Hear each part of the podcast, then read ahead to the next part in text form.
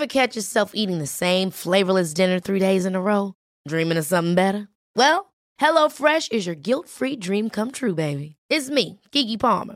Let's wake up those taste buds with hot, juicy pecan-crusted chicken or garlic butter shrimp scampi. Mm. Hello Fresh.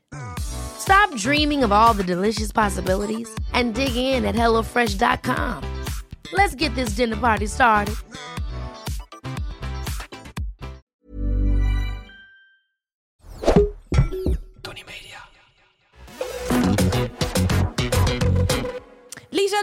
Yay! Hey, hey, hey, deel Hey, 2 hey. van de aflevering. Wij gaan gewoon meteen doorpakken met een nieuwe vraag. Hey, ik ben een gast. Ik zou graag een vraag willen stellen voor in de podcast. Ik schaam me zo voor mijn burn-out. Hoe kom ik van die schaamte af? Groetjes anoniem. Ehm, die vraag krijg ik heel vaak. En dan niet alleen over burn-out, maar over depressie. Ik schaam me voor mijn mentale toestand. Hoe, hoe bizar is het? En ik denk nog steeds, het is 2023. Kom op, kijk, wij ouwe hoeren hierover. Dit moet toch genoeg zei, wij zijn? zijn oude hoeren. Oké. Wij ouwe Ehm, hoeren, ouwe hoeren ja. hierover. Eh, kom op, joh. Ja. Maar het is nog steeds dat, dat mensen het gevoel krijgen in deze samenleving... dat je niet oké bent en dat je gekkig bent. Hier gaan we zo meteen helemaal aan het einde advies over geven. Maar jij kwam er dus gewoon even achter... dat je helemaal geen burn-out had. Mhm. Dat het een angststoornis en een depressie was. Ja. Jij nam op een gegeven moment acht paracetamols per dag. Mhm. En het werkte nog niet. Ik had zo'n koppijn dat het dus... eh, om puur te overleven nam ik acht paracetamol per... Of te over, sorry, dat klinkt Ja. wel heel... Maar Ja. om te kunnen... eh, ja, gewoon Functioneren. functioneren ja. Waar had je last van? Ehm, nou, dit was dus in het jaar... Het was het jaar 2017. Een klein dorpje in eh, Frankrijk hield dapper stand tegen de Romeinen. Nee, eh, sorry. Oké, het was in 2017. En ehm, ik eh, het was toen nog een cabaret duo. Matrushka heette dat. En ehm, we hadden onze eerste voorstelling het jaar daarvoor gespeeld. En dat was een soort, ja, eh, voor het eerst een cabaretvoorstelling maken. En fantastisch het land doortoeren. Maar ook gewoon best wel pittig. De tour is best wel pittig. En al die spanning en zenuwen die er komen kijken bij het maken van een voorstelling. En toen hadden we letterlijk vijf dagen vrijgenomen. En toen gingen we door met voorstelling 2. Ja, iemand had ons ook best wel even advies mogen geven dat dat niet heel realistisch Niemand is. zei, hey jongen, hallo. Nee, ze hadden, ze wilden zelfs dat we al eerder een tweede voorstelling zouden maken in de Hou zomer. op. Ja, joh. Dus ehm, En wie is ze?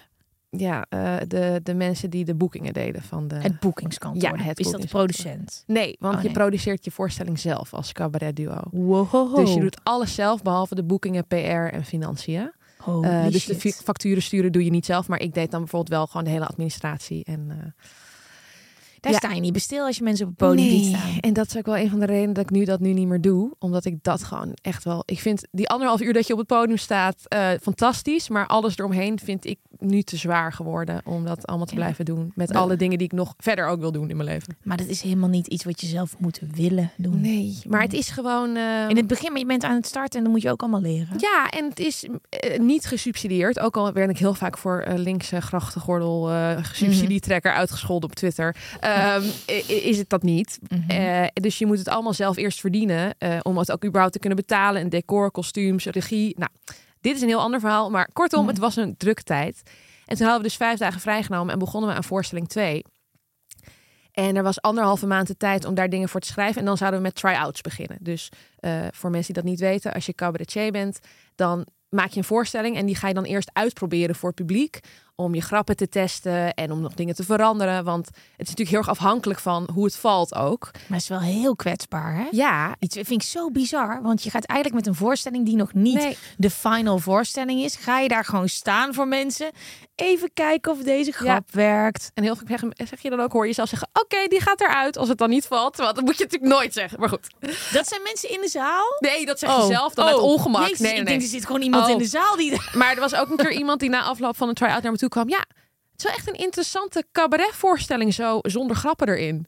Dat je ook denkt, ehm, Nee, oké, we gaan even terug naar de tekentafel. nee, nee. Maar ja, dus de, Oh, ja, ik hoor jou sowieso heel veel dingen zeggen die mensen tegen jou zeggen. ja. Maar dit, maar hoe ik heb zo'n het? hoofd, denk ik, of zo. Dat je denkt van, ik ga daar nu dingen tegen zeggen. Ja, bizar. Wat worden er allemaal voor dingen? We gaan zo weer verder. Ja. Wij, wij wijken lekker af, jongens, voor iedereen die luistert. Maar dat is heel lekker, want ik ben heel nieuwsgierig. Ja. Hoe kan het dat mensen bij jou denken dat er de ruimte is dat ze van alles maar kunnen zeggen? Nou, ik denk sowieso, als je op een podium gaat staan, nodig je mensen uit. Terwijl dat is niet de reden dat je er staat. Maar mensen denken, ja, jij gaat er staan, dus ik mag daar nu wat van vinden. En ik ga jou dat laten weten ook. Want jij maakt grappen Ja. en hebt een mening. Ja, Dus misschien neemt ruimte het. in ook, hè? Precies. Maar ik sta ook op een podium. Maar mensen hebben niet... dat, niet dat dit denk ik het begin is. Nee, dat nou, mensen- stuur maar naar mij. Nee, en maar dan, dat eh, mensen gewoon...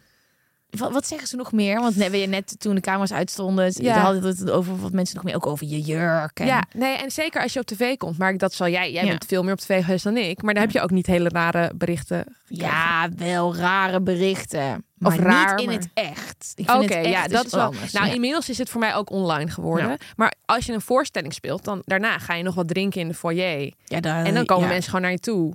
Dus dan gebeurt dat. Of mensen sturen mailtjes. Of, nou, en nu, zeker als je aan de slimste mens meedoet, kan ik je vertellen, dan ga je heel veel berichten. Nou, nu zeg ik het Ja. alsof jij dat gaat doen, maar Ja. voor iedereen die het ooit gaat nog doen, je krijgt gewoon heel veel berichten, want het wordt heel goed bekeken. En En je zit daar enigszins te beweren dat je misschien Mhm. wel de slimste mens kan zijn. En in jouw geval ben je dat dan ook. Maar dat nodigt dan een bepaald publiek uit om Ja. wat te mogen zeggen. dan en word je zo'n gelu- schietschijf. gelukkig heb ik echt de mazzel dat ik hele leuke, lieve mensen op mijn Instagram heb die me voor over het algemeen leuke berichten sturen. En ook over mijn boek eigenlijk krijg ik alleen maar mooie berichten. Ja. Maar na de slimste mensen ook wel mensen die zeiden ja. Jij denkt dat je grappig bent, maar zolang jij erin zit, ga ik niet meer kijken. En dacht ik, nou, Truus, succes, want ik zit er tot de finale in. Maar eh, ik weet niet of ze Truus maar mensen vinden het soms nou, of ja, eh, ik had dan Beat the Champions gedaan. Ja. Ehm, daar speelde ik het voor Amnesty en had ik super mooi prijsgeld opgehaald voor Amnesty, eh 36.000 euro. En dan gaat iemand sturen, ga van tv, ouwe gek met je lelijke bakkes. Ja, oké, dit soort berichten krijg Ja, ik ook en ook wel. om drie uur s'nachts. Dat je ja, denkt, ja, ja, ja, ja. oké, ja. eh, Jeffrey, ik weet niet hoe die heet, maar ja, ja, ja, ja, ja, dus nee, en gewoon heel veel commentaar op mijn tanden krijg ik altijd.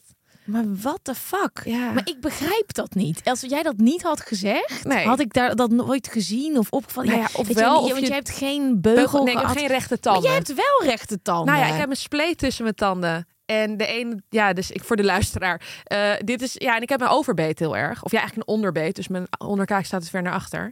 Ja, ik heb daar dus echt. Maar eh, ik heb nooit een beugel gehad, omdat ik daar geen zin in had. En dat het dus eh, medisch gezien niet nodig was. Want ik kan gewoon kauwen en praten.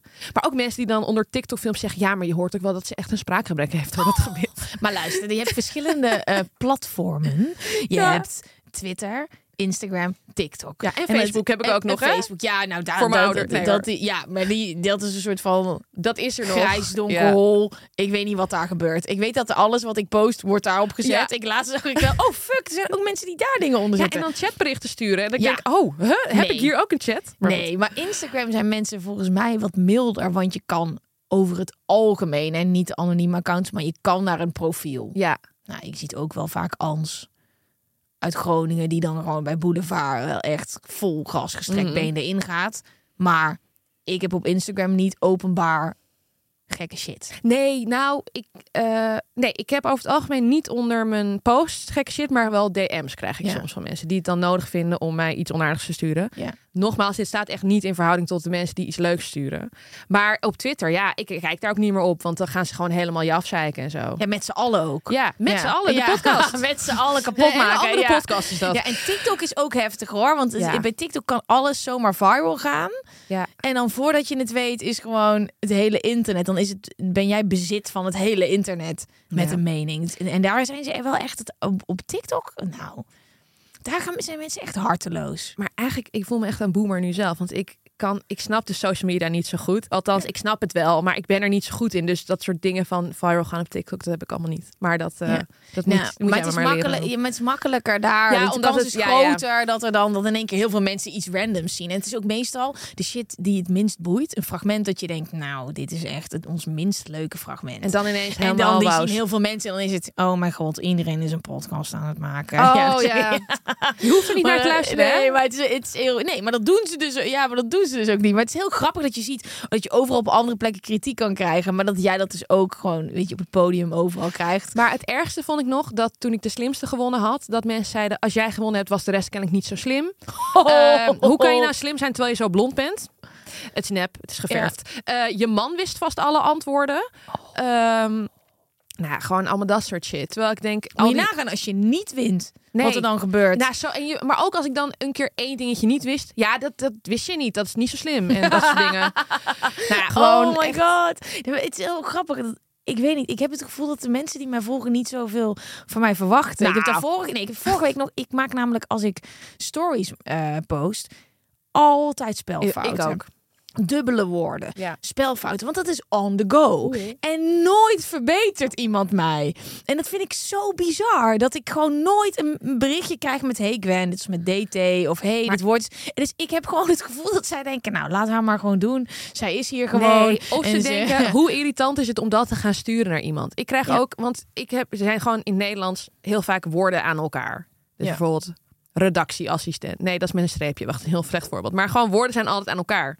Date show, dating show is aan elkaar in het Nederlands en in het Engels zit er een spatie tussen. En als ik dat dan, dating show, wat heb ik gepresenteerd. Als ik dat in een story type, dan doe ik het aan elkaar. Maar dan doet het autocorrect gewoon uit elkaar. Dus Ja. dating show. Gaan alle mensen me bericht sturen, er zit geen spatie tussen. Ja, maar jij bent dus de slimste mens. Ja. En dan gaan ze je proberen te pakken. Je bij mij ik zeg gewoon... Nou, ik denk dat ze gewoon aardiger zijn. Ja. Mazzel, laat Gwen maar lekker. Ze heeft ook weer iets gepost. Wat fijn voor haar. Nou. ja, ja. Ik maar zie ik toch had die, ze eh, bedankt. En, en toen ging, zeiden mensen ook... Ja, dat zegt wel iets over je volgers dat ze lief zijn. Ja. Ja, heel lief. Niet hier nu in één keer mee beginnen. Ja, nee, je kreeg ook een berichtje. Oh, toen ging ik echt dood. Toen ging ik dood. Kijk, dat weet je ook met je boek. Mhm. Er zitten altijd fouten in een boek. Heb je fouten in je boek gehad? Nou, ik heb hem dus ingesproken zelf. En, toen heb je ik hem nog- doen. Ja, toen heb ik hem nog een keer helemaal doorgelezen. En als je dus hardop voorleest. Nou, ik ging hem later inspreken. Ah, ja. Ik ging dood van binnen. ja, je zag ineens al die fouten. altijd Ja. foutjes in. En we hebben al met vier mensen hebben dat boek fucking tien keer gelezen, inclusief ikzelf. En daar had ik niet veel hoop op gevestigd. En, maar iedere keer als ik het las, zeg maar, ik had de eerste druk in mijn hand. Ja. Zat, nou, ik zat toen in Zwitserland. Ik vrat hem bijna op, jongen. Ik was eigenlijk offline. Heb ik echt zo mijn agent. Ik zo, er zitten allemaal fouten in het boek. Hoe kan dit? Voor het eerst. Ik schaam me kapot. Nou, echt nog. De derde druk nu. En zit nog steeds. Ik kreeg een berichtje nadat ik in mijn stories had gezegd. Dankjewel dat jullie mijn fouten Oh, nooit nee. weten. Dus ik, had ook al een paar fouten in het boek zien staan. Maar dat maakt helemaal niet uit. Maar- oh, maar dus, ja, Het is niet jouw verantwoordelijkheid dat er fout, te- spelfouten in zitten. Nee, maar ehm, ik ga het wel voor de volgende keer, mocht er een volgende keer komen, eerst inspreken. Ja, nee, maar dat wil ik nog even zeggen Ja. tegen de luisteraars. Wij schrijven het boek Ja. en dan doen we het verhaal en zo. En dan zijn er nog heel veel mensen die daarna gaan kijken of er spelfouten in zitten. Ja, Dus, dus niet, moet eh, hun een berichtje sturen. Ja, precies. Niet wij. Maar het was echt zo van, oh, maar Gwen, ik had Ja. het ook al in je boek gezien. Het maakt allemaal niet uit. je Ja. bent lief. Zo. Nou ja, dat is heel lief, maar het is pijnlijk zo. Ah. Maar ik vind wel, eerlijk gezegd, ik zou nooit als ik in een boek een foutje zie staan, dan helemaal naar Instagram gaan of TikTok en dan helemaal die persoon opzoeken en dan een heel bericht gaan typen van ja, er stond daar een D, maar het was een T. Dat ik denk, Ja, ja, maar daar was ik bang voor. En dat is dus niet gebeurd. Totdat ik zei, dankjewel dat jullie nooit spelfout. En toen kwam er zo'n Oh, berichtje. ja. Ik had ze ook al gezien in je boek. Oh. Ik, oh my god, jullie hebben ze allemaal gezien in het boek. En jullie hebben gewoon niks laten weten. of ze vinden het verhaal gewoon zo goed dat ze daar overheen lezen. Dat was wat ik mezelf de hele tijd aan het Nou, wijzen ik maken bevestig was. het bij Namaste. Ja. We hadden het over, Ja, we hadden het eh, de, over. De, de diagnose. Dus Oh, ja. jouw, jouw aanloop naar je Oh ja, over de rare dingen die mensen. Ja, Ja. Nee, dus toen waren we. Nou, in ieder geval, het eerste wat ik merkte in dat jaar 2017 was dat ik heel erg veel koppijn kreeg. En een soort koppijn, ehm, alsof er iemand met een, met een platte hand keihard tegen mijn voorhoofd duwde. Dus Ja, echt een drukkende. Ja, dus dat is spanningshoofdpijn, bleek dan later. En ik ging dan paracetamol slikken, en eerst twee. En nou, dan ging het weg. Maar ja, een paar dagen later ging ik niet meer weg met twee. Dus dan, nou, uiteindelijk zat ik dus op die acht paracetamol per dag. Wauw. En ehm, ik nam dan ook Valdisper. Dat is zo'n eh, Ontspanning. ontspanningsding. Wat je gewoon bij de drogist kan kopen. Valeriaan. Ja, en daar nam ik er 12 per dag van. Nee.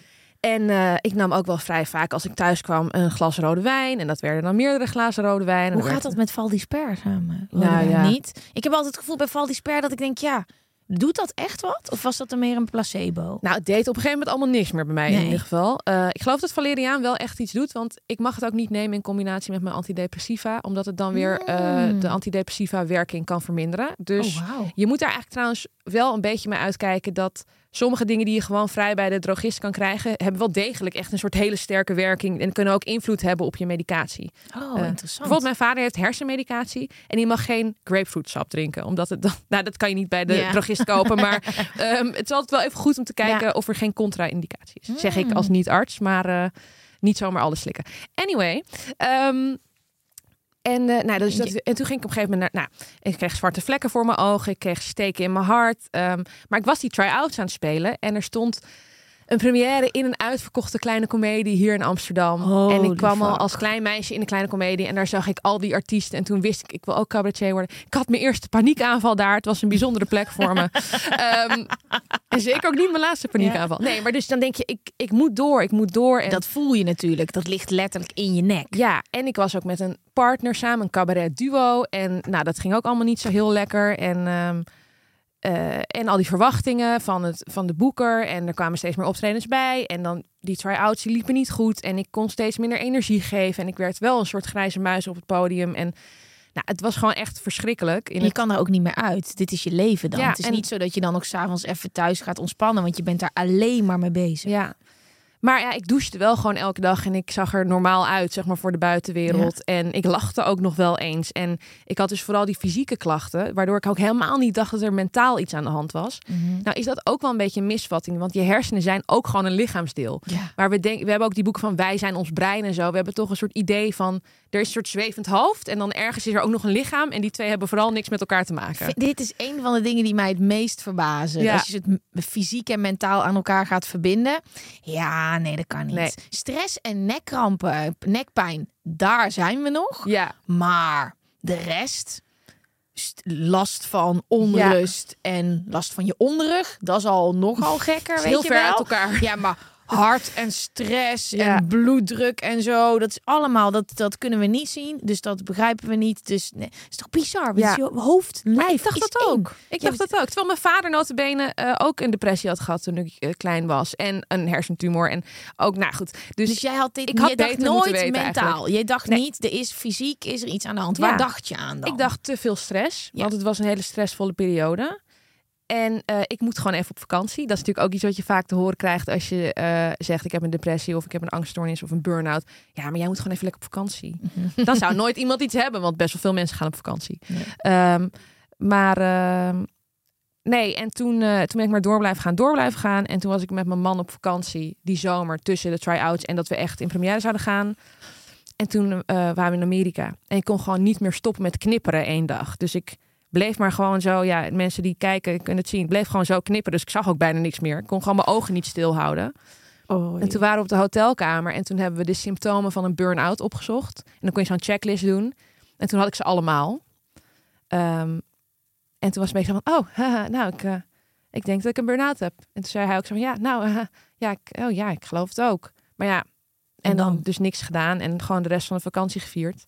En het verwarrende was ook wel dat het soms ook gewoon... Het ging slecht, maar dan ging het ook wel weer goed. En dan ging het mhm. weer slecht. En dan ging het ook wel weer goed. Um, nou ja, nog een paar aan het doorgesukkeld. Totdat ik op... En het is geen grap, op 11 september van dit jaar instortte. Dus ik zeg altijd de Twin Towers en Lisa Loop uh, too soon, nou ja. Um, maar... Uh, ik durf ook niet te lachen. Nee, snap het. ja. Uh, tragicomisch. Ja, ja de, de, wereld zien zoals hij echt is en er grappen over maken. Ja. Nee, ja, en toen was ik een begroting aan het maken voor ons cabaret duo. En alles wat er fout was gaan, ging fout en nog meer. En we stonden ook nog eens 10.000 euro in de min. En toen begon ik te huilen en toen kon ik niet meer ophouden met huilen. En toen was het alsof een soort dam die ik het hele jaar gebouwd had voor mijn ogen, alsof die brak. Oei, voor de première? Ja, zes weken voor de première. En toen ben ik de dag daarna naar de huisjes gegaan om beta-blokkers te vragen, zodat ik die première kon spelen. Ja, en toen zei de huisarts, jij gaat geen première spelen. Oh. En uh, we gaan uitzoeken wat er met jou aan de hand is. Maar toen dacht ze dus wel in eerste instantie aan een burn-out. Toen ben ik naar de psycholoog teruggegaan, bij wie ik in 2011 was geweest voor de paniekaanvallen. En toen werd ik dus behandeld voor een burn-out, maar het werd er dus alleen maar erger van. Want uh, ja, ik heb dus geen burn-out gehad, maar wat ik begreep toen was dat je vooral heel veel rust moet nemen. Ja. En moet stoppen met je werk. Ja. En afstand moet nemen. En eigenlijk niks moet doen. Dus ik ging dat allemaal doen, maar mijn klachten werden alleen maar erger. Dus mijn paniekaanvallen. Ik had ook wel trouwens in die periode weer paniekaanvallen. Ja. Um, mijn paniekaanvallen werden erger. Uh, ik uh, werd steeds depressiever en depressiever. Ook al wist ik nog niet dat het depressief was toen. Ja die lijn is ook minder. heel dun, hè? Dus het is soort heel. Maar is het zo wat, wat mij is geleerd met een depressie kan je niet meer en wil je niet meer, mhm. en met een burn-out wil je nog wel, maar kan je niet meer. Ja. Maar wilde jij nog? Wilde je die, die, die première? En dan zit je tegenover je huisarts en die zegt... Joe, je gaat die première Nou, niet spelen. Wat dacht jij? Ik Dus- was toen dus opgelucht. Terwijl het was de grootste angst die ik had dat het niet zou lukken. En ik was, Wow. iemand anders moest dat tegen mij zeggen. Want ik kreeg ook heel vaak de vraag: waarom ben je niet eerder gestopt? Van zowel mijn cabaretpartner als degene die de boekingen deed. Hoe Was dan? dat een optie dan? Ja, weet hoe je dan? wel? Waarom? Ik vond het zo erg als mensen vroegen: waarom heb je niet eerder hulp gezocht? En dan dacht ik, ik ben naar de huisarts geweest een paar keer. Ik heb gezegd, ik heb steek in mijn hart. Ik heb zwarte vlekken voor mijn ogen. Ik heb hoofdpijn. Ga maar een hoofdpijndagboek bijhouden. Oh, die vlekken zijn niks. Mhm. Eh, mijn hele, ik was één grote schreeuw om hulp bij wijze van. Niet dat ik andere mensen verantwoordelijk ervoor wil Mhm. maken, maar het voelt zo flauw om te zeggen van je had alsof het jouw eigen verantwoordelijkheid is. En eh, het is deels natuurlijk jouw eigen verantwoordelijkheid om goed voor jezelf te zorgen. Maar als je zo ziek bent, om dan ook nog eens te zeggen, je had het even zo en zo Ja. moeten doen, dat is zo hard. Maar het went ook. Dus Ja. Je zit in die situatie en er komt weer wat bij. En je bent aan die stress gewend en Ja. de fysieke pijn went. En je hebt gewoon een agenda. En er komen nog paniekaanvallen bij. En Ja. weet je, in hoeverre kan je gaan? Weet je, wel zeker met je zelfkennis. Je bent geen dokter. Nee. Je weet, en, het, en die hele situatie om je heen, die went. En je wereld, de wereld om je heen past zich daaraan aan. Ja, Totdat je gewoon echt op vakantie zit en niet meer kan stoppen met knipperen. Het is gewoon jouw hele lichaam, als ik dat zo hoor, was aan het schreeuwen. Fysiek. En dat, ik, ik had het met mijn burn-out. Fysiek werd ik ziek. ja, Niet dat ik in mijn hoofd er niet meer... eh, Dus Precies ja, dat. fysiek. Het komt eraan. Het soort van je rugpijn en je nekpijn. En bij jou gewoon dat je ogen niet kunnen stoppen met Ja. knipperen. Dat is zoiets. Weet je wel, dat hoor, dat hoor je nooit. Maar dat is gewoon oké, je lichaam checking out. Ever catch yourself eating the same flavorless dinner three days in a row? Dreaming of something better? Well, HelloFresh is your guilt-free dream come true, baby. It's me, Kiki Palmer. Let's wake up those taste buds with hot, juicy pecan-crusted chicken or garlic butter shrimp scampi. Mm. Hello Fresh. Stop dreaming of all the delicious possibilities and dig in at HelloFresh.com. Let's get this dinner party started. A lot can happen in the next three years. Like a chatbot may be your new best friend. But what won't change? Needing health insurance. United Healthcare Tri Term Medical Plans are available for these changing times. Underwritten by Golden Rule Insurance Company, they offer budget friendly, flexible coverage for people who are in between jobs or missed open enrollment. The plans last nearly three years in some states, with access to a nationwide network of doctors and hospitals. So, for whatever tomorrow brings, United Healthcare Tri Term Medical Plans may be for you. Learn more at uh1.com. Doe iets. Ja. Jij was zo sterk in je hoofd om het allemaal een soort van een plekje te geven en het te ordenen. ja. En ook het beeld wat je van jezelf hebt, denk ik van ik ben iemand die hard werkt, ik ben iemand die doorgaat, ik Ja. geef niet op, ik wil de top bereiken, ik Ja. wil de beste zijn. En toen in één keer was er dus geen première meer. Ehm, hoe was dit met jouw collega? Ja. dat lijkt me echt. eh, dan ben je met z'n tweeën. Ja, ehm, dat is heel moeilijk geweest. Ja. En we zijn niet voor niets uit elkaar gegaan, denk ik. Eh, wij, eh, het heeft ons echt uit elkaar gedreven wat er gebeurd is. Oh, wat zuur. Ja, en ehm, het is denk ik voor ons allebei heel moeilijk geweest, maar we konden ons best wel moeilijk in elkaar inleven in die periode. Je Ehm. wil ook zo graag, lijkt me. Hè? Ja. Dus- eh, dus de rest van het jaar zijn toen alle optredens. Eerst zouden drie maanden afgezegd worden, maar toen uiteindelijk het hele seizoen is afgezegd. En eh, pas in, dus in september stort ik echt helemaal in. En pas in november ben ik bij de psychiater terechtgekomen. Want jij was heel die tijd ehm thuis gehouden met het idee Dat ik een jij hebt een burn-out Ja. dus ga maar heel hard chillen en lief zijn voor jezelf Mhm. en vooral niks doen. En naar de psycholoog één keer per week. Ja, dat is precies het recept voor een Ja, burn-out. En die ook zei op een gegeven moment: ja, we kunnen wel weer gaan afbouwen. Terwijl het alleen maar slechter en slechter met mij ging. En dacht, hoe ging het slechter? Wat merkte je dan? Nou ja, het was zo gek dat ik dus tot het moment dat ik zo instortte, kon ik eigenlijk voor mijn gevoel alles nog. Wel met allerlei gekke klachten. En toen was ik ingestort. Maar toen ben ik bijvoorbeeld ook een week later nog eh, uit eten gegaan een keer. En een keer gaan shoppen. Dus toen kon ik dat nog. En ik kon nog wel met vrienden een paar uurtjes even kletsen. Maar eigenlijk naarmate ik meer rust nam, des te minder ik kon. Dus Meer nadenken ook. ik weet het niet. Maar gewoon ook fysiek kon ik minder. En ik werd steeds moeier. En ik werd steeds ja, depressiever eigenlijk. Dus Wow. ik had ook helemaal geen afleiding meer. Ik zat alleen maar thuis. En ik zat te wachten tot ik weer naar therapie kon. Om in godsnaam handvatten te krijgen om met deze situatie om te gaan. En ik dacht de hele tijd, het is mijn eigen schuld dat ik dit gekregen heb. Eh, Mijn hele persoonlijkheid moet anders. Ik heb iedereen teleurgesteld. Hoe ga ik nou zorgen dat dit niet nog een keer gebeurt? Kan ik ooit weer teruggaan aan het werk? Ik had ook alle boeken die er bestaan over burn-out besteld. En eh, de kracht van het nu. En, ehm, Ik was echt aan het werk om beter te worden, maar het werd alleen maar erger. En toen, wat was het punt dat je dacht, joehoe, er gebeurt niks. Ehm, nou, mijn moeder heeft het eigenlijk afgedwongen. Dus zij is heel goed bevriend met een man die psychiater is. En die vroeg heel vaak van, ja, hoe is het nou met Lisa en wat is aan de hand? En nou, het ging dus eigenlijk alleen maar slechter. En zeiden, ja, eerlijk gezegd klinkt het niet als een burn-out wat ze heeft, maar het klinkt als een depressie. En volgens mij moet ze naar een psychiater en moet ze, moet ze medicatie gaan slikken, want dan kan het zoveel beter met haar gaan. Nou ja, en dat was echt een soort van nachtmediscenario voor mij. Medicatie wilde ik absoluut niet. Ik had er allerlei vooroordelen over en angsten rond. En ik had al zoveel angsten. Wat waren de vooroordelen? Ja, uh, nou, je moet het zelf doen. Terwijl mijn vader heeft het ook gewoon en die heeft altijd wel medicatie geslikt. En voor hem zou ik dat nooit vinden. Uh, je wordt er een zombie van. Um, nou, wat had ik nog meer? Ja, je wordt er suicidaal van. Gewoon, je, eigenlijk als je over antidepressiva hoort, hoor je vooral de slechte verhalen -hmm. en nooit echt de positieve verhalen. -hmm. In, althans, hoe ik dat toen beleefde. En, uh, en ik dacht ook, maar zo erg is het toch niet met mij? Dat heb ik echt altijd gedacht. Van, maar zo, ik kan nog wel eens lachen en ik kan nog wel eens een film kijken. Zo, als je depressief bent, dan kan je dat allemaal niet meer. Dus al die vooroordelen. En uh, nou goed, toen ben ik echt op aandringen van mijn moeder naar die psychiater gegaan.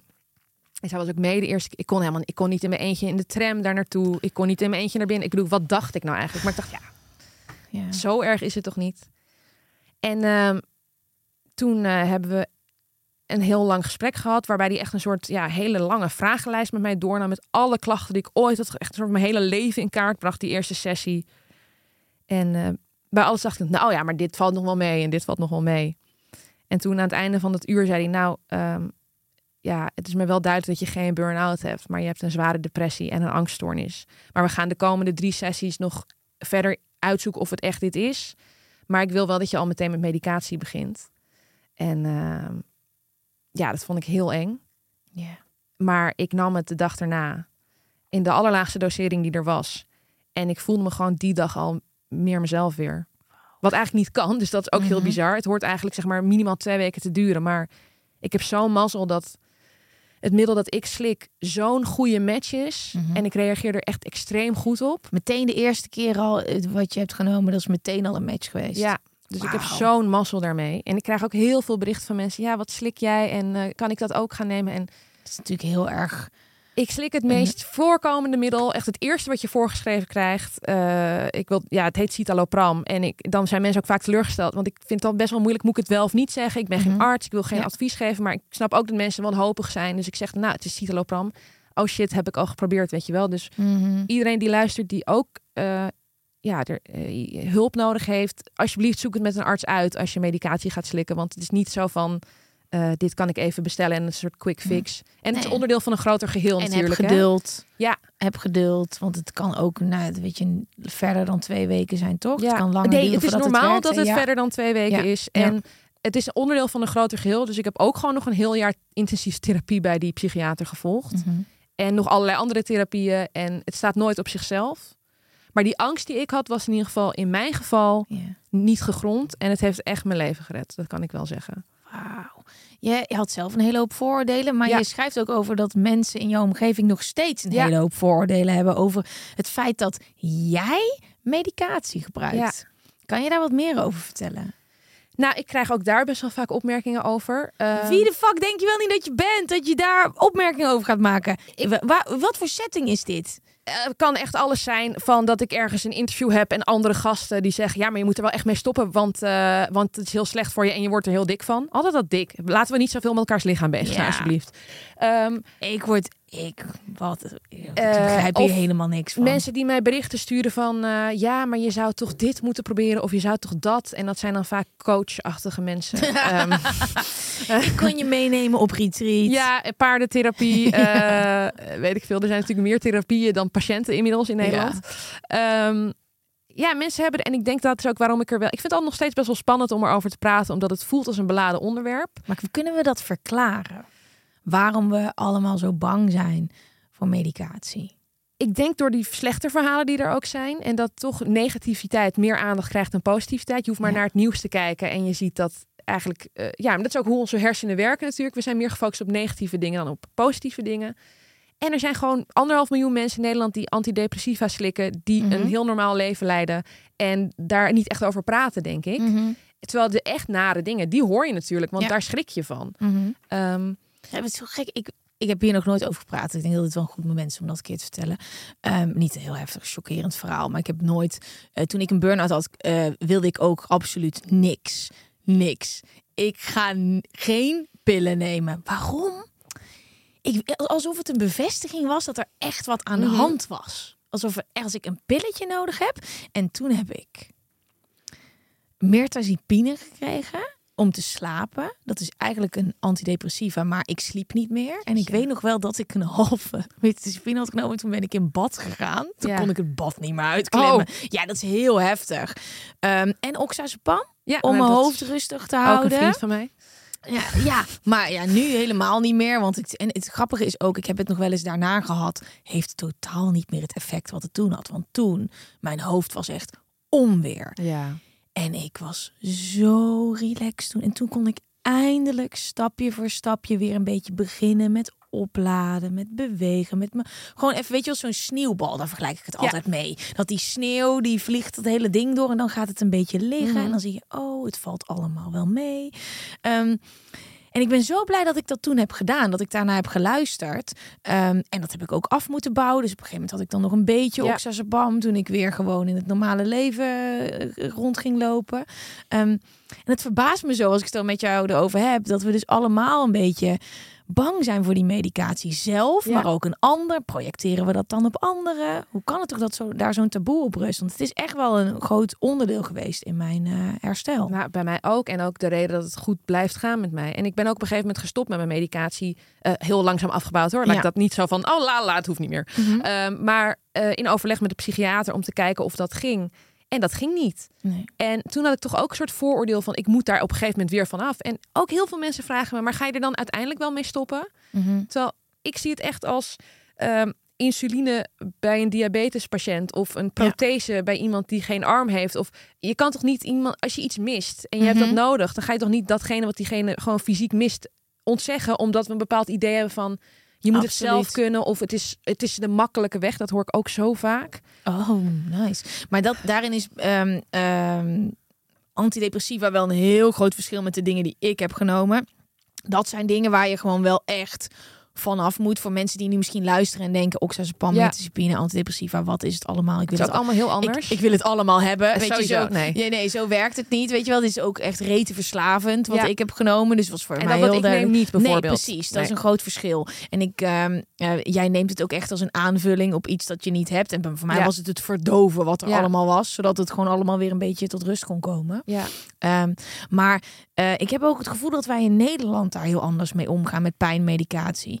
Kijk ook even naar bevallingen Ja, en zo. oh, hou op. Nou, ik wil op, ga door, ja, maar... maar- ik wil bijna gaan emigreren, zodat ik ooit in een ander land kan gaan eh, bevallen, mocht het zover Ja. zijn. Want wij zijn hier, goh, Achterlijk vind ik. Ja, dat mag je eigenlijk niet zeggen. Wij dat is heel validistisch, maar het is gewoon wij moeten echt pijn hebben hier. Maar het- ook, jongen, laatst had ik een, hele lijpe behandeling bij de gynaecoloog. Oh. En dat hoorde ik van een vriendin. Ze zei, oeh, ja, dat is wel pittig.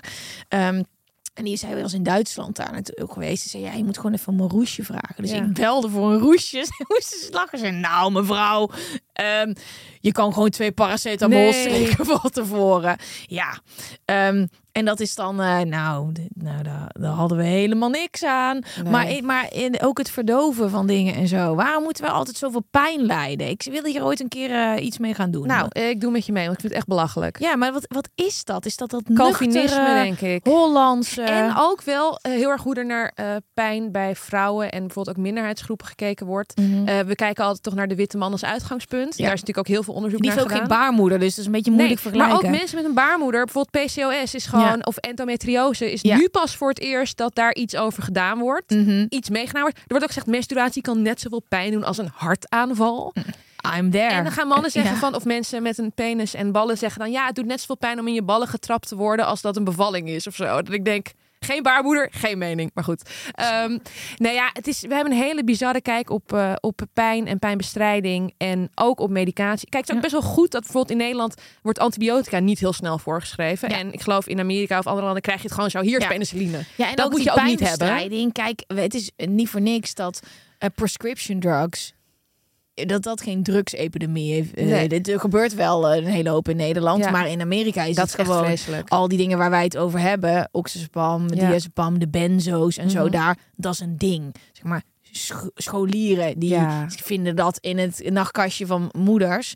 Hier in Nederland is dat heel anders. Al verkopen dealers al deze dingen Nee. wel. Ja, Oh. zeker. Slaapmedicatie, alles. Dus het is misschien ook wel een beetje een opkomst. Maar ik denk ook wel dat het goed is dat ze zo eh oxycontin, Ja, dat, je is vreselijk. ja, Dat, dat wordt nog steeds voorgeschreven door artsen, maar ehm, ze zijn hier wel een stuk voorzichtiger. Mhm. Dat wil niet zeggen dat we pijn moeten lijden. Ik heb het gevoel dat er een gulden middenweg in Ja. is. En dat je nog steeds patiënten kan beschermen. Maar dat je er ook voor kan zorgen dat een behandeling geen nachtmerrie is. Ja. Denk ik wel. Nou, Ehm, halleluja. heb jij nog advies voor iemand die zich schaamt Ja. voor de burn-out? Het is anoniem. Ik denk, eh, dat is een beetje waar ik ook naartoe wilde. eh, Gewoon de manier waarop wij kijken naar geestelijke aandoeningen. Of het is toch het idee, je hebt het zelf gedaan. Mhm. Eh, eh, een soort niet uitgesproken, maar ik had het gevoel dus toen ik een burn, met een burn-out gediagnosticeerd was, wat het niet was. Ik heb dit zelf gedaan. Mensen zeiden, hoe heb je het zover kunnen laten komen?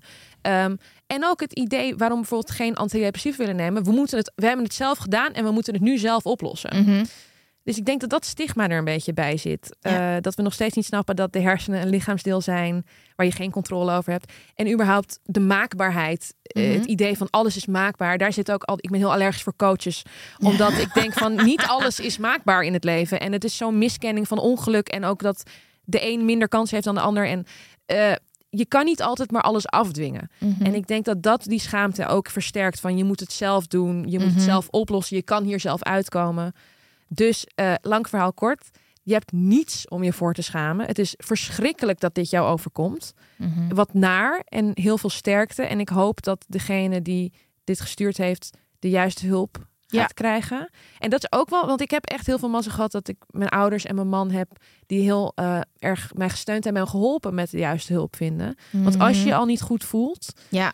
Dan ehm, is het best wel moeilijk om ook nog voor jezelf op te komen daarin en te zeggen, ja, maar dit helpt wel en dit helpt niet. Absoluut, absoluut. Dus ehm, En ik wil nog even aanvullen met als je wat voor mentale klachten dan ook hebt, je bent niet alleen. Nee. Je bent dus nooit alleen. Ook al voelt het zo dat je echt zo thuis op de badkamervloer zit en Mm. denkt, fuck. Ik hoor hier nooit mensen over. Voor wat jij meemaakt zijn er miljoenen die hetzelfde hebben meegemaakt. En je bent een hartstikke leuk mens. De de mensen met mentale klachten die functioneren, die werken, die ja. doen creatieve dingen, die hebben ook een job. Weet je, het is en ik geloof ook dat iedereen ehm, in zijn leven op een bepaald moment wel iets meemaakt. Dat Ja. kan voor sommige mensen, wat jij al zei, op een vijftigste, zestigste komen. Vergelijk jezelf niet te veel met je omgeving als je niet direct in je omgeving iets ziet. Nee. Ieder heeft zijn eigen moment. Of begin 20 of in een 30. We hebben allemaal wel wat. We praten er alleen niet zo graag Nee. over. Ja, Nee, dat ben ik helemaal met je eens. En inderdaad, je bent niet alleen. En laten we er gewoon nog maar weer meer over praten. Ja, want ik hoop dat het meer. helpt. En, eh, en zeker, want ik dacht dat de klachten die ik heb zijn zo specifiek. Maar nu ik dat boek geschreven heb, zeggen mensen, ik had precies hetzelfde. Dat je echt Mhm. denkt, hoe kan dit? We, we wonen in een totaal andere plek in het land. We hebben elkaar nog nooit ontmoet. We zijn een andere leeftijd. En we hebben gewoon precies hetzelfde verhaal, bij wijze van spreken. het is fantastisch toch? Hè? Dat Ja. je dat soort mensen kan bereiken terwijl je zelf ooit wel zo'n boek had willen lezen. Ja, en dat was ook wel de reden eh, waarom ik begonnen ben met erover praten. En eh, Ja, over schrijven. fantastisch. Ehm, hey Gwen, ik ben een vrouw van eind 20 met een kinderwens.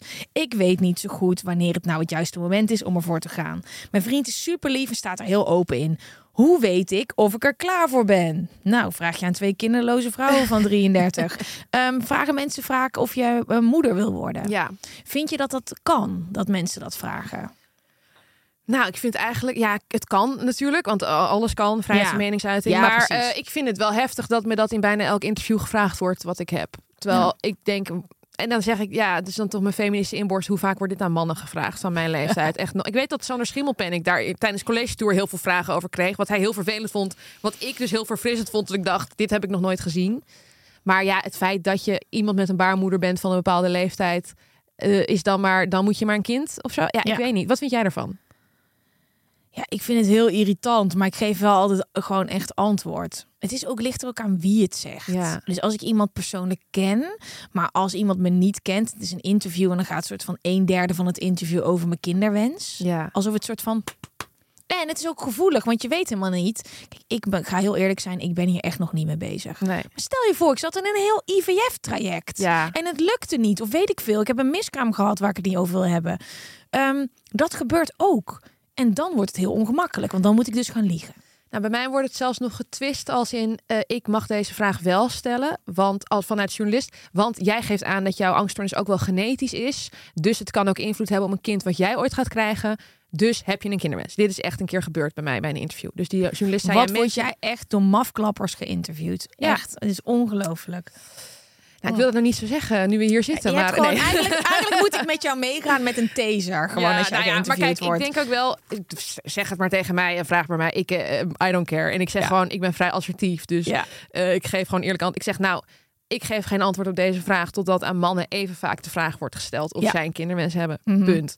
En dan komt dat maar lekker in je interview. Ja, kom op zeg. Maar en ook van, eh, ja, want je kind zou het eventueel ook kunnen hebben. Oftewel, had ik liever niet geboren willen worden omdat Ja. ik een angststoornis heb? Ja. Mhm. Jij bent nogal- juist de allerbeste moeder die daar eh, een kind in kan begeleiden. Nou ja, ik denk wel dat ik behoorlijk wat eh, schoffelwerk al gedaan heb in mijn eigen ziel. En eh, nou goed, anyway.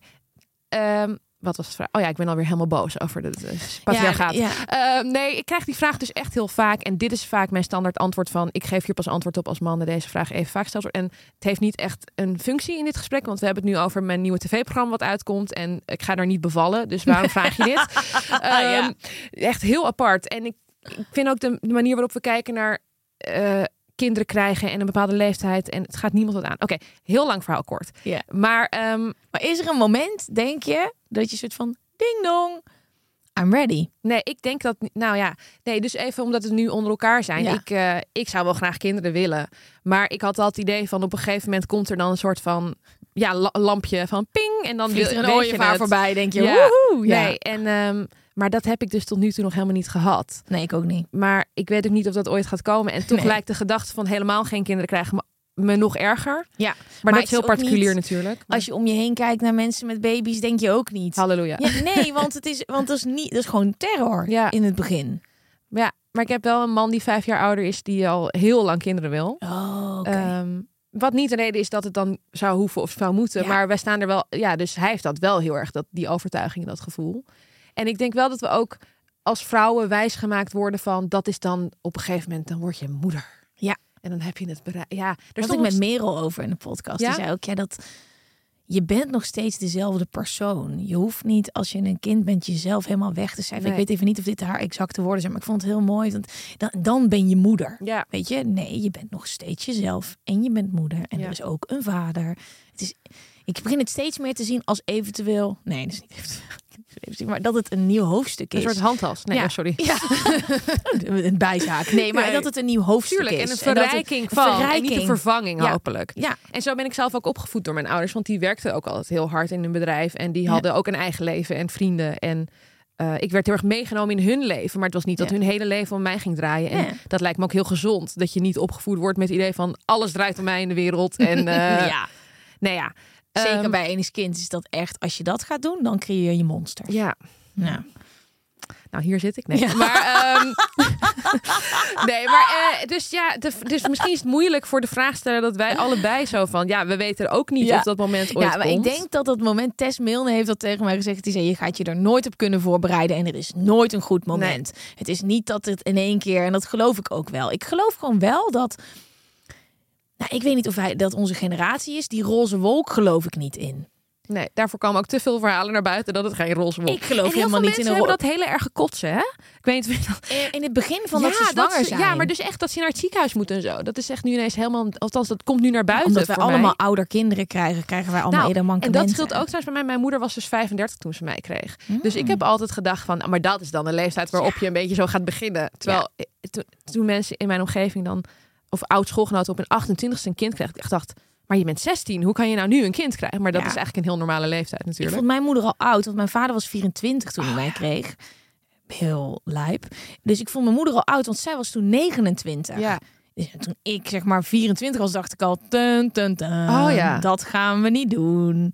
Ehm, maar ehm, ja, het is heel interessant. Maar ik denk wel dat onze generatie dan, dat wij niet in die roze wolk Hallo, er komt in één keer een heel klein mens waar je nog nooit voor. Je hebt geen idee natuurlijk Nee. hoe je daarvoor moet zorgen. En die moet dan om de drie uur eten hebben Ja. uit jou. Maar dat hoeft niet uit jou. Dat vind ik echt Nee, je onzin. kan ook kolven, maar je bent wel om de drie uur. Nou, maar je moet kan toch ook een flesje iemand- geven? Ja, maar er moet iemand doen. Ja, dat is waar. Ja. Alleen als ik, nou goed, maar het is ook weer particulier misschien, maar ik zou echt me als een soort koe voelen of zo, of als een soort melkfabriek, als ik dat kind elke vijf seconden moet gaan voelen. Lijkt mij lijp. Lijkt me ook leuk. En ik ben een flessenkind. Nou, ik Ja. heb wel wat problemen.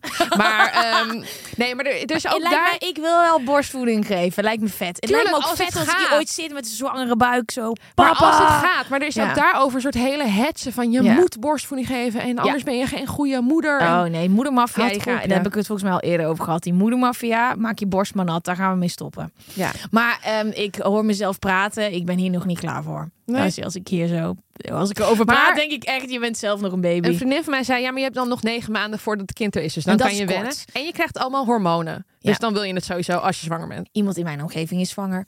En ehm, je denkt altijd negen maanden, oh my god. Ja. Maar voordat je er eenmaal achter bent en de eerste checks hebt gehad, dan is er nog een soort van een half jaar over. Ja. Zes maanden. Joh. Waar ik een half jaar geleden was, dat lijkt gisteren. En dan ben je gewoon een mens aan het maken. Ja, dat, ja. Ja, ik ben mee geweest naar de echo. Oh, wat leuk. Gisteren. Was het zo'n 3D-echo of gewoon een normale? Alles op een groot scherm. Ja, en dat ik überhaupt mee mocht. Wat hè? leuk. Ja, wel Maar kan je nagaan, al die mensen die tijdens corona zwanger waren, die dan in hun eentje dat allemaal moesten doen. bizar. Ja, zo nee, ik was echt in shock. Ik, wat ik dus, waar ik nooit over na heb gedacht, is de baby beweegt. Dus je hebt gewoon, die gaat zo met arm zo en die gaat zich uitstrekken. En die is echt zo Oh, wat schattig. Het is bizar. Het is echt bizar.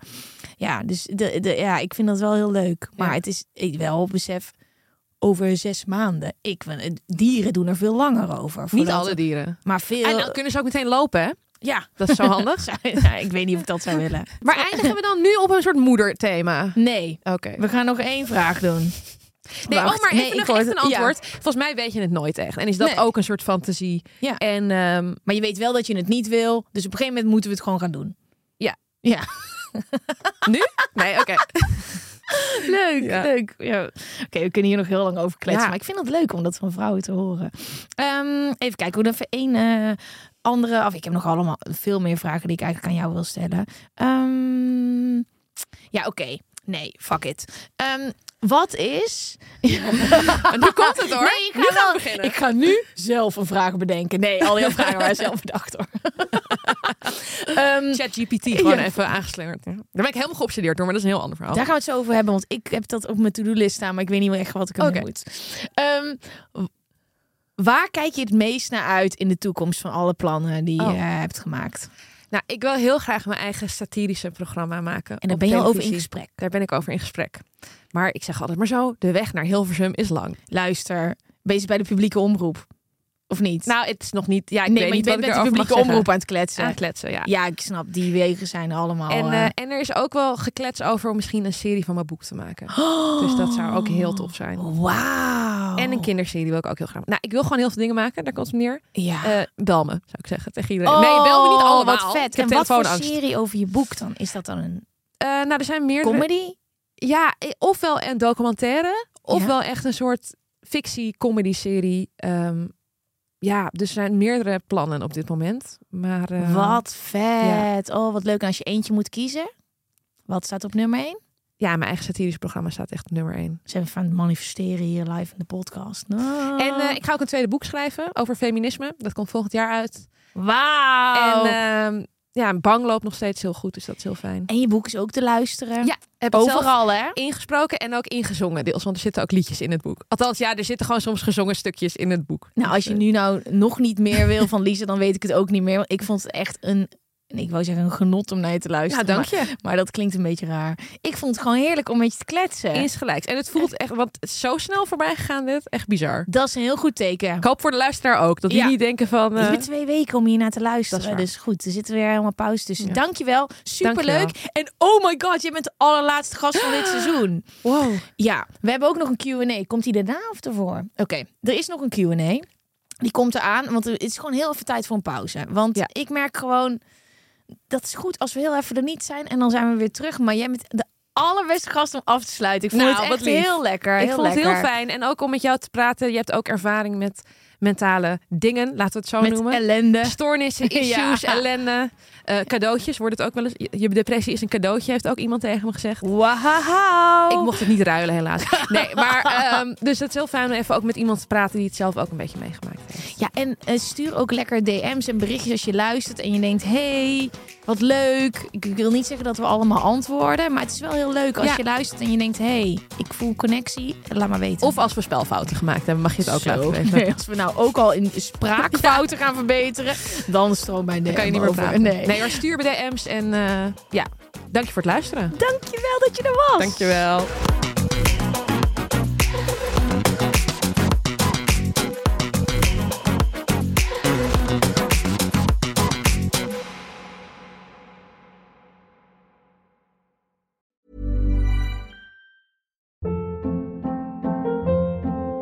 Hold up. What was that? Boring. No flavor. That was as bad as those leftovers you ate all week. Kiki Palmer here, and it's time to say hello to something fresh and guilt-free. Hello Fresh. Jazz up dinner with pecan-crusted chicken or garlic butter shrimp scampi. Now that's music to my mouth. Hello Fresh. Let's get this dinner party started. Discover all the delicious possibilities at hellofresh.com.